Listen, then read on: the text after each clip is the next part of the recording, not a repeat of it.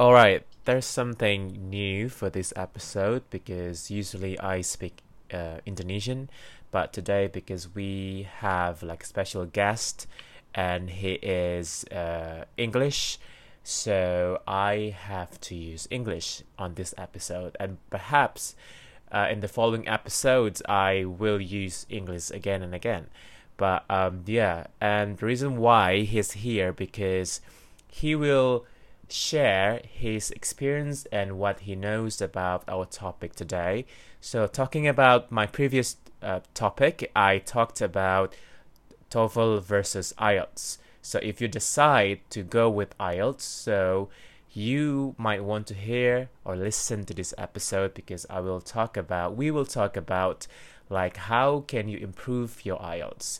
So my friend today, his name is Steve, and he is in the UK, and uh, we knew each other when I was studying my masters in the UK, and he's a English uh, student, not student, English teacher, and then that's why he will be a perfect uh, what's that guest to share about IELTS. So yeah, I will ask him and everything about how we can improve our IELTS. Okay, Steve, how are you? Hi, uh, Vicky. Hi. Yeah, I'm fine. Thanks. I'm fine. Right. And so, because you are an English teacher, so can you please like share a bit about uh, IELTS? But first, if you don't mind, would you like would you please kind of give I don't know, a bit introduction about your experience in teaching English, perhaps? Sure. Um, so I've been teaching now for almost three years.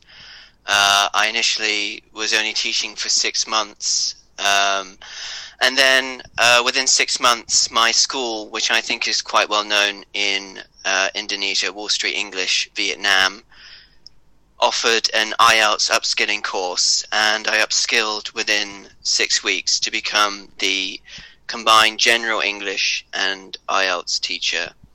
Um, I then left Vietnam six months later, came back to the UK. Um, then I went back after the summer and I started teaching IELTS again. This time it was it was the sole teaching that I did was IELTS, and that was in the Chinatown district of uh, the famous Ho Chi Minh City. I've been continuing to teach online, and every now and again I do have a private IELTS student, uh, and I now teach for English first. So yeah, I've been teaching teaching now for for about three years, and a very large proportion of that has been IELTS. Okay, cool. So because you've been teaching IELTS, so perhaps you are not fully aware of other like tests like TOEFL, or uh, are you? I I'm familiar with them in that I know that they are uh, what they are, as in assessments of English, but I'm not. I'm not aware of them in the sense of how they compare to IELTS. I know that um, down the grapevine amongst teachers, it's seen that TOEFL, because of its its multiple choice element, it is seen as the easier test of the 2 mm-hmm. um, but I cannot say that um, from my own personal standpoint because I've never been able to compare them together. Right. So on my previous episode, I said to my audience that I preferred um, IELTS because I think and it's simpler and it's just like I don't know because uh, I have done it for three times already. So and I, I only did TOEFL once, and it was only like the institutional, so it was non-official. Um, so I I couldn't really compare them properly. But if if people ask, I would say that you know I prefer IELTS. So I have some questions. Maybe one question first about IELTS. like how can we improve our IELTS? So, for example, if our audiences are all like beginners in in English or um, they haven't done IELTS before, so how can they improve their IELTS? Sure. So, unfortunately, I haven't got any trips, uh, tr- uh, tricks or, or tips. Um, if I was to say to someone the most important thing for studying IELTS, it would have to be attitude. And obviously, the best kind of attitude is a positive attitude. So, if you are beginning to do IELTS or you're struggling with that IELTS and you've been struggling for a while, which I know many students do, what you need to do is get back to basics and think about your attitude. And I don't necessarily mean your attitude towards studying in general. Um, if you are studying, and a lot of my comments are related to the academic IELTS test, I should make that clear that was pretty much the focus of all my teaching. So if you are learning IELTS to go and study abroad, obviously you should not be adverse to long hours of studying. So I'm not talking about your attitude towards studying. I'm actually talking about your attitude towards the IELTS test itself. Right. So I know from experience that I get a lot of people coming to me, coming into the classes. I used to do mock tests in order to place people in their classes for IELTS. I get a lot of people, I say, why do you want to study IELTS? And they say, to study abroad. And that's great. That's great. If that's why you're doing it, it's, it's the perfect exam for that. Lots of countries accept it. I think America is um, a bit unique in that it doesn't, but I'm pretty sure that Canada definitely Australia, and of course the UK accept IELTS for when you want to study abroad. Mm-hmm. Now, what happens is um, the goal is to study abroad. So immediately, I'm slightly concerned. Why? Because the IELTS, when you have that mentality, is immediately starts to take on the form of an obstacle.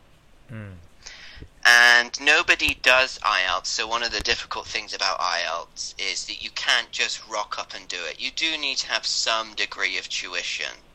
Mm. Um, for the stronger students, it doesn't have to be very long. It doesn't have to be very hard. It can just be applying yourself to the exam.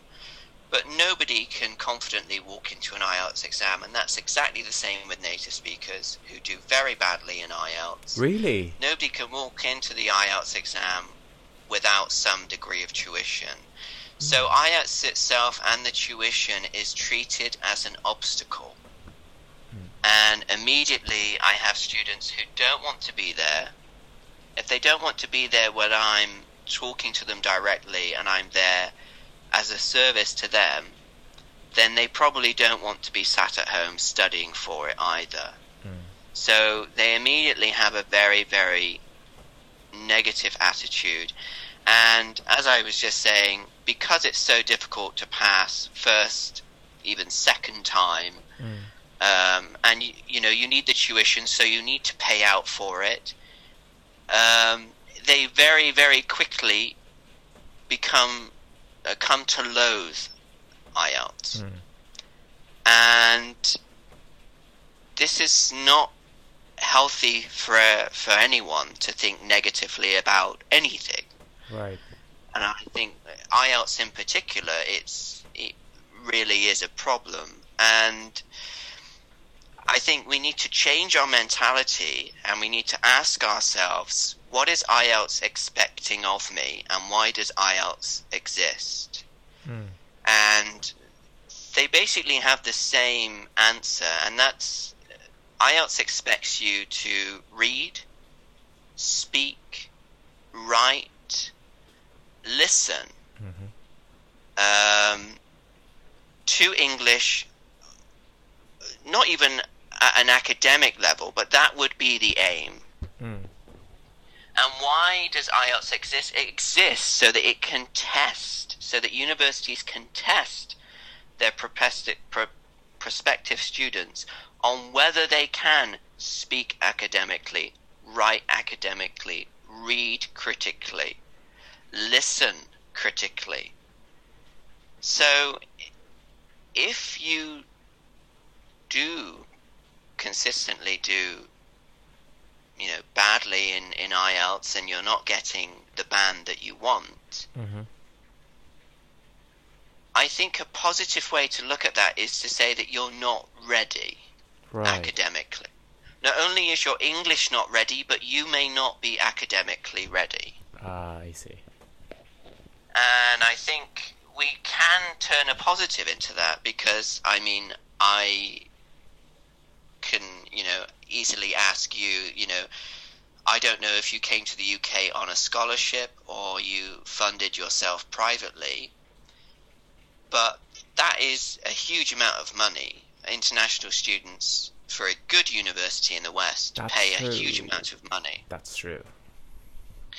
So I don't know who's paying this money to whoever's listening. I don't know if it's wealthy parents.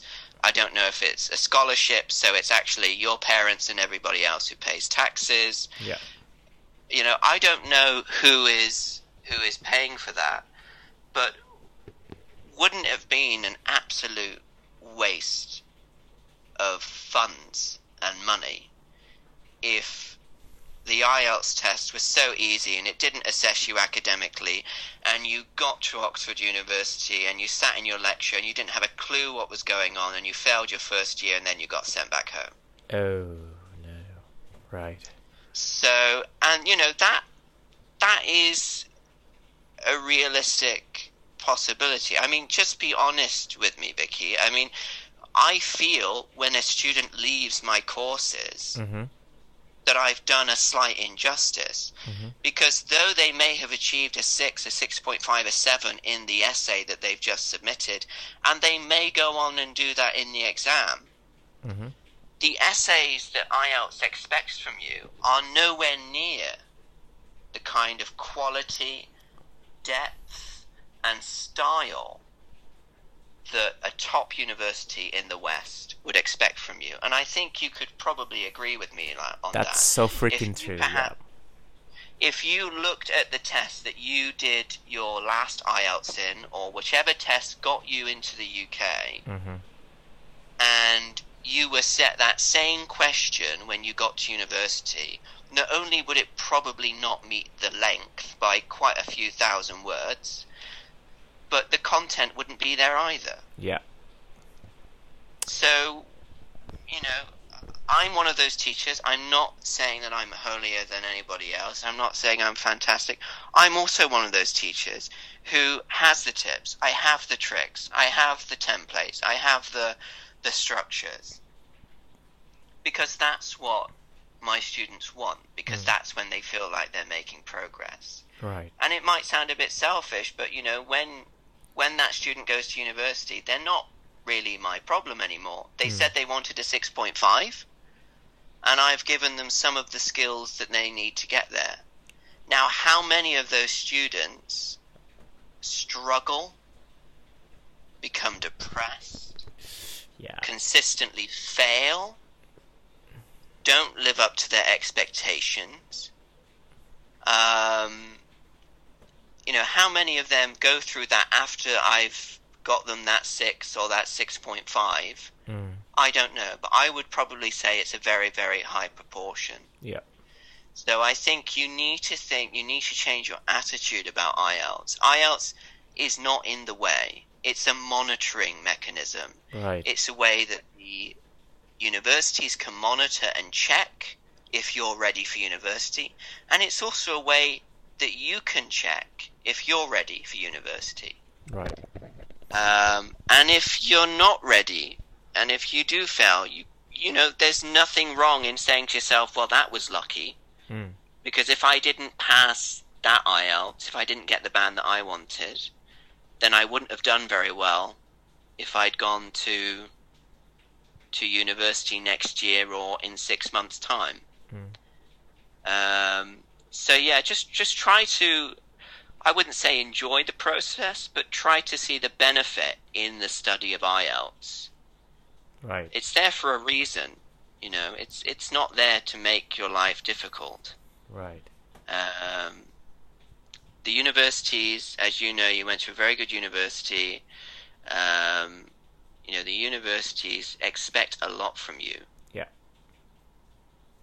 And especially if you're doing, you know, so so much uh, higher education now is very, uh, very much based on words and uh, meanings Mhm. and you know deep philosophical kind of metaphysical things.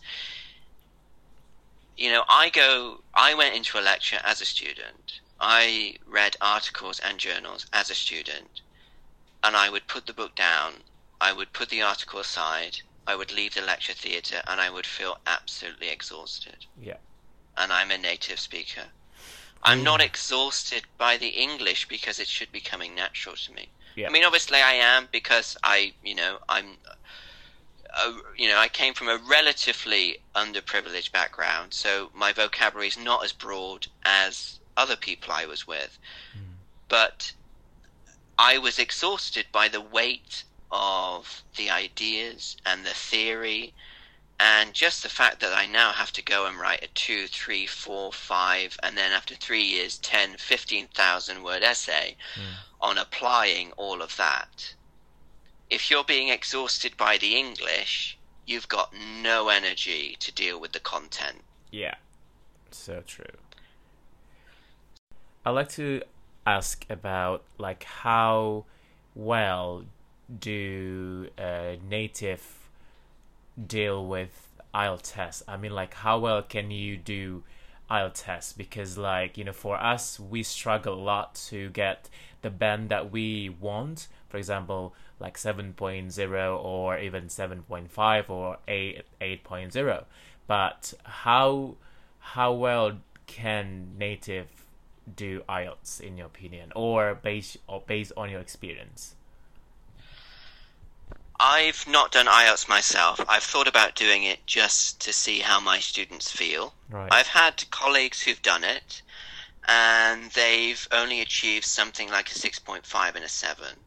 Mm. So now you can say, well, that's IELTS being unfair because if a native pe- speaker can't get 6.5 and a 7, then why are they expecting uh, a non native speaker to do that? But the reasons they don't achieve are different. Mhm. So, for example, a native speaker will often, I would imagine, be marked down, or this is what I was told during my training, would be marked down just for the the sheer um, shortness of their speaking answers. Mm. Yeah. Um, so, you know, if there's a high level of brevity, then it's going to bring down your speaking score quite a lot. Um, so, for example, it's very, very natural for for you to ask a native speaker what they enjoy doing in their free time, and for them to turn around and say, "I like watching movies." That in um, in in a in a native speaker environment is not is a pretty normal, acceptable response. Yeah. It would be a bit strange if I, you know, then went on to talk about uh, I like watching movies because they're my um, because I cinema tickets are very cheap in my country, right. and as I'm a student, I get an extra fifty percent discount Mm. okay? Because you, as a non native speaker, need to prove your English ability. hmm So you need to see how long you can speak, etc., etc. You need to produce enough language hmm for the examiner to assess you. Now, the native speaker thinks it's perfectly acceptable to say, I like going to the movies. Because why does a native speaker need to prove their English level? So that's why that's that's where they they differ slightly. So IELTS students who are non-native, because some native speakers do need to take IELTS even to emigrate to Australia. Yeah. Um, but even um, you know non-native speakers will struggle with the English, and then they will struggle perhaps with the application to meet the demands and the requirements of the uh, grading criteria. Mm. Whereas um, native speakers just basically get caught up and held back by the application itself. Mm. Uh, obviously, the language is still there, and um, you know. But again, if we're talking about academic English, um, you know, who's who's to say, uh, you know, at the end of the day, you know, not everyone in the UK is an academic genius. You know, we have produced Darwin, Hawkins, etc., etc. I could go on all day, but not everyone is a walking Darwin or or Hawkins or or Newton. Uh, you know, there are people who don't have, as there are in any country across the world, don't have the academic skills Mm. to write uh, even an essay of only 250 words long in their own language. Yeah. Um, and I think you know this this may put people off, but I think that again comes down to attitude. Um, I've had many students. I've given them all the help that I can give them. Uh, they've paid loads of money. hmm They've been through the mill a hundred times, um, and they still haven't got what they wanted. Oh. Now, part of having a positive attitude is also knowing getting hung up, obsessed with achieving a certain goal, hmm and maybe, for want of a better word, knowing when to stop. Right. Because if you're still trying to study abroad after studying IELTS for three, four, five years,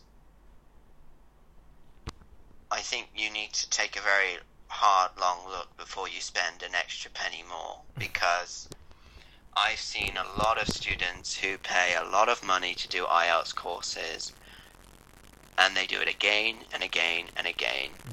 And you just think to yourself, what could you have done with that money? Because that opportunity is slipping by now. Um, so, what could you have done with that money if maybe you'd been positive and realistic? Maybe the third or fourth time you didn't get what you wanted. What could you have done with those extra thousands of pounds or whatever that you spent on those those three extra courses? Yeah. Um, so again, it all comes back down to, to positive attitude. I know it destroys some students. I know it destroys some students when they don't get what they want. I understand that. But I've had dreams dashed. You know, I'm sure you have. I'm sure everyone has. Yeah. Um, we can either wallow in that disappointment and we can hate the world for for dealing us the cards that it dealt, uh, or we can pick ourselves up and say, okay, okay, this isn't this isn't the path for me. Mm. Right. You have to remember that IELTS is, um, you know, there, there- there's some, you know, there's there's some discomfort about wondering whether British Council, who administers the exam, you know, gets quite a bit of money Mm. through doing what it does in IDP in Australia. But yeah, it is, you know, it is costing you money. Indeed, yeah. But how do we know when we are ready? Because you said earlier that we need to have like a like we have to do tuition first or we like from what you said it implied that we had to have like we have we had to study English for so long. But how do we know that we are ready for IELTS?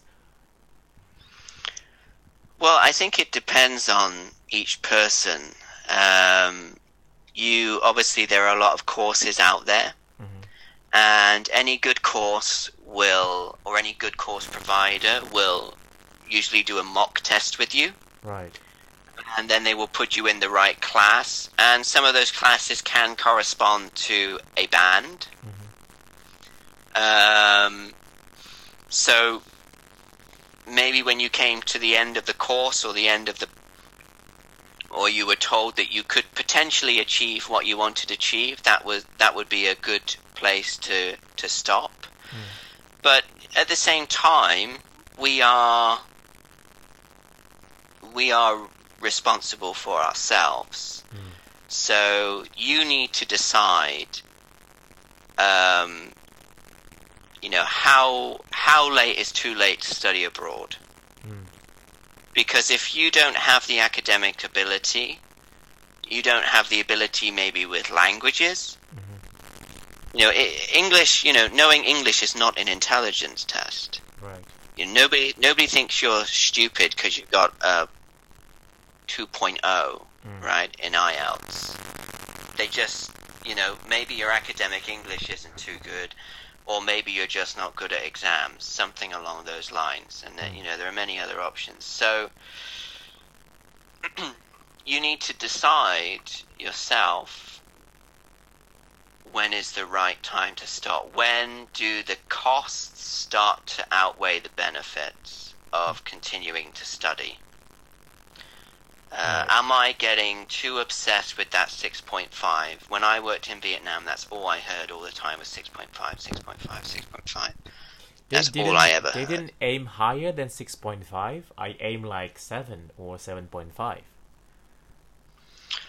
Uh, it may be, uh, but you also did an arts degree, so your English language level should be higher than Right. those who study mathematics or, or something like that, where where the detail is less in the language and more in the the you know the, the theorem and the you know stuff like that. Right. Um, so there is quite a range between what you study. Um, again, um, I I'm not aware of, of any, certainly not many universities in Vietnam where your undergraduate is um, how can I put this is um, accepted by Western universities. So I did have a friend in Vietnam, for example, who um, went to university in America. He and that was three years after he graduated from a Vietnamese university. And I said, "Oh, that's cool. You're going to do a master's then?" He said, "No, they won't accept my undergraduate, so I'm going to do an That's- undergraduate again." That's so sad. Um, yeah, but there are, you know, that's that's unfortunately the nature of the Vietnamese education system. Um, so yeah, it's you know it varies from person to person, from institution to institution. Um, so you may have been aiming for a seven. Some of my students in Vietnam, they may have only be going on to their undergraduate. Um, so they may have only been asked to do a 6.5 or even a 6. That's not, you know, that's not hide behind anything here. Right. There are certain universities in the West Mhm. who rely quite heavily financially on international students. Mhm. So, you know, it's it the the the price difference between a, a resident and an int- international student can sometimes be, uh, cat, you know, enormous. Yeah. So if you ask everyone uh, abroad to get themselves a seven, well, you know, the University of Derby, let's say, Mhm. which isn't ranked particularly highly nationally or internationally, is going to be perhaps cutting out a lot of its its financial stream. Right. Okay. So the university itself has to find a balancing act between what is too high that it will mean that the students can't come right. And what is too low that they can do the course. So, and and on the basis that the undergraduate qualifications are not accepted from Vietnam, I'm not sure if the higher education qualifications in in in general would be accepted by quite um, some leading universities either. I, I wouldn't know, Right. but uh, yeah. Okay. Although I really want to ask you more questions, but I think we have talked too long. So perhaps we can continue talking about the same topic or some other topics on the uh, on the next uh, episodes. So thank you for your, for your time uh, on this episode, sharing uh, about IELTS and everything. And I really do. I think it, it's very useful, and I hope that our audiences can get something from what we talked about, and they can decide what to take and you know whether they they will do IELTS uh, immediately or they have to you know learn or study first and something like that. So yeah, thank you so much for your time, and then maybe I'll see you on the next episodes, right? And thank you also for all the audience who have been listening. Uh, us like what is like uh, previous like 30 minutes or something. So yeah, thank you so much, and I'll see you on the next episode. And by the way, don't forget to follow my Instagram to get updated information about this uh, podcast. You can follow my Instagram on at So once again, thank you so much for listening uh, this episode, and see you on the next episode. Bye.